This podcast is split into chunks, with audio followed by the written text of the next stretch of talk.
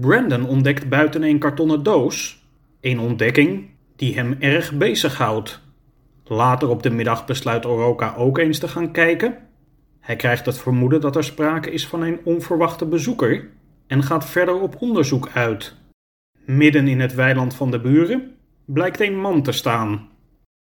Hoofdstuk 48 De avonturier. Meneer, wat doet u hier? De man bleef met wijde armen en een naar de hemel gericht gezicht in het veld staan, alsof Oroka's vraag erbij hoorde en was komen aanwaaien zonder iets te verstoren. Sst, moet je horen. Ik hoor niets. Ik wel. Wat hoor je dan? De wind, de bomen. Voel je het niet? Wat moet ik voelen? Dat je hier bent. De frisse lucht, de regen. Ruik. Het gras, de grond. Je bent hier. Dit is het bestaan. Dit is alles. Het is mooi. Dat mag je nooit vergeten. De man deed zijn ogen open en wees in de lucht.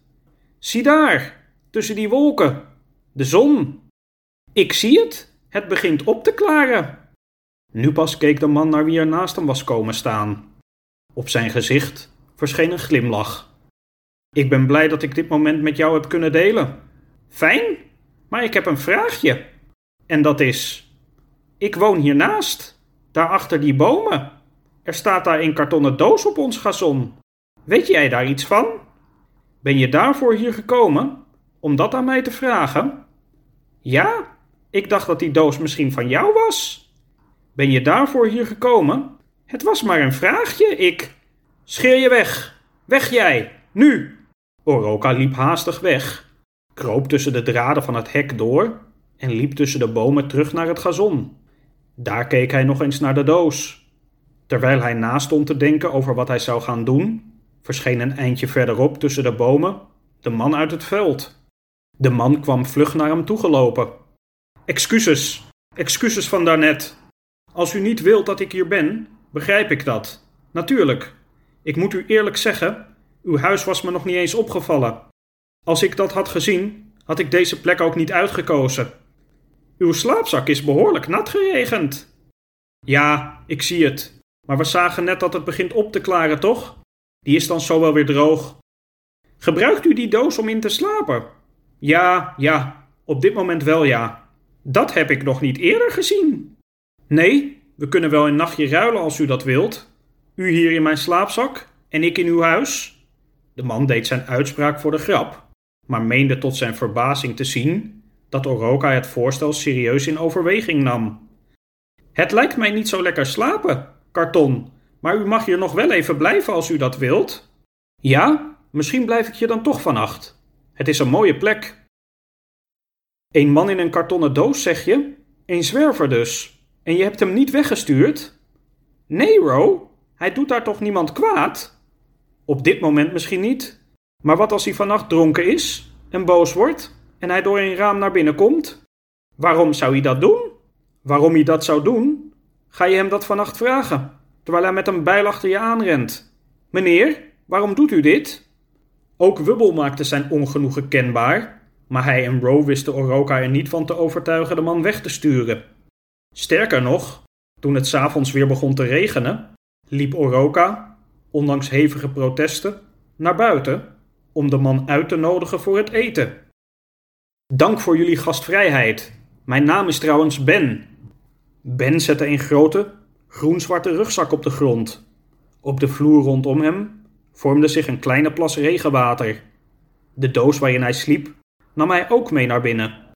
De doos bleek uit verschillende stukken aan elkaar getapte karton te bestaan, die hij gedeeltelijk uit elkaar trok en, net als verschillende kledingstukken, bij een verwarming te drogen legde. Wat is het hier heerlijk warm, zeg? Ben wreef in zijn handen. Wat is dat? Pompoensoep? Met brood en kaas? Wat ruikt dat lekker? Zal ik voor je opscheppen? Graag. Ben schoof aan en vertelde dat hij bezig was aan een avontuur. Een avontuur waarbij hij de richting liet bepalen door wat hij onderweg meemaakte. Een einddoel had het avontuur niet. Aan het einde zou vanzelf wel duidelijk worden hoe het einde eruit zou zien. Na het eten zei Oroka tegen Ben dat ze in het huis bedden genoeg hadden en dat hij best kon blijven slapen als hij dat wilde. Ben sloeg het aanbod in eerste instantie af, maar bedacht dat het binnen toch wel veel fijner was dan buiten en besloot uiteindelijk de nacht door te brengen in zijn slaapzak op een bank in de televisiekamer. We hebben een vriendelijke avonturier in huis, kwaakte Wubbel later die avond, vlak voor het slapen gaan. Ro trok haar pyjama aan. Oroka lag al in bed. Misschien heeft hij vorige week wel iemand vermoord en is hij op de vlucht. Maar wat maakt het uit? Het is hartstikke gezellig zo. En als hij vannacht het huis leegrooft, wat dan nog? We hebben in ieder geval een leuke avond met hem gehad. Zo makkelijk zal dat toch niet gaan, zei Ro, die ook onder de dekens kroop. Ik heb het alarm van het huis aangezet. Zodra hij beneden die kamer uitkomt, zullen we het weten. Verder heb ik veel deuren in het huis op slot gedraaid en ik heb voor de zekerheid ook nog een geweer van boven gehaald. Wubbel keek onder Ro's bed en zag daar inderdaad een geweer liggen. Waar zouden we zonder jou zijn, Ro? Nergens. Zover is het nu gekomen. Slaap lekker, eend. Maar het alarm ging die nacht niet af en het huis werd ook niet leeggeroofd. Wel sliep Ben erg lang door. Terwijl de eerste kinderen ochtends binnenkwamen, keek Oroka nog een keer naar de bank in de televisiekamer, waar zijn gast nog lekker lag te ronken.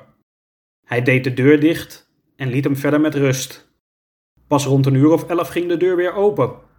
Ben liep, nog wat slaperig, in zijn t-shirt en onderbroek de zaal in, waar net Lissy's verjaardag werd gevierd, met feestelijk gezang en kleine bakjes fruitsalade. Wie is dat, meester? Lissy begon te lachen. Een meneer in zijn onderbroek. Goedemorgen, Ben. Goe, goedemorgen. Wat, eh, waar komen al die kinderen vandaan? Wij hebben hier een kinderdagopvang. Oh, wil je ook een bakje fruit? Ben nam een bakje fruit aan van Nicole en liep vlug terug naar de televisiekamer. Even later kwam hij aangekleed en wel terug naar buiten. Het is een mooie dag. Al mijn spullen zijn ook al goed gedroogd, zie ik. Kan ik nog iets voor jullie doen? Anders ga ik er weer vandoor. Nee, je kan gaan wanneer je wil. Zeker weten. Ik zie dat buiten het gras behoorlijk hoog staat. Heb je een grasmaaier? Als je wil, kan ik het gras nog wel even voor jullie maaien. Ik weet niet of we een grasmaaier hebben. Ro, weet jij dat? Weet ik wat? vroeg Ro, die in de keuken bezig was. Of we een grasmaaier hebben? Geen idee. Hoezo? Ben wil het gras gaan maaien. Ro? Ro, hoor je me? Ik kijk wel even in jullie schuur, zei Ben, terwijl hij zijn slaapzak onder zijn rugzak vastbond.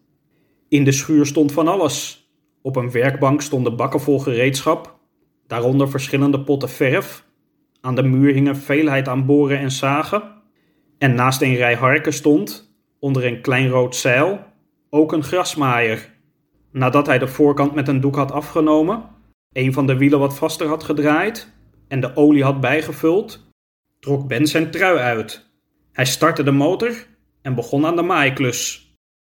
Wij hebben thuis ook een tuinman, meester, zei de jarige Lissy, terwijl ze door het raam naar buiten keek. Maar die heb ik nog nooit in zijn onderbroek gezien.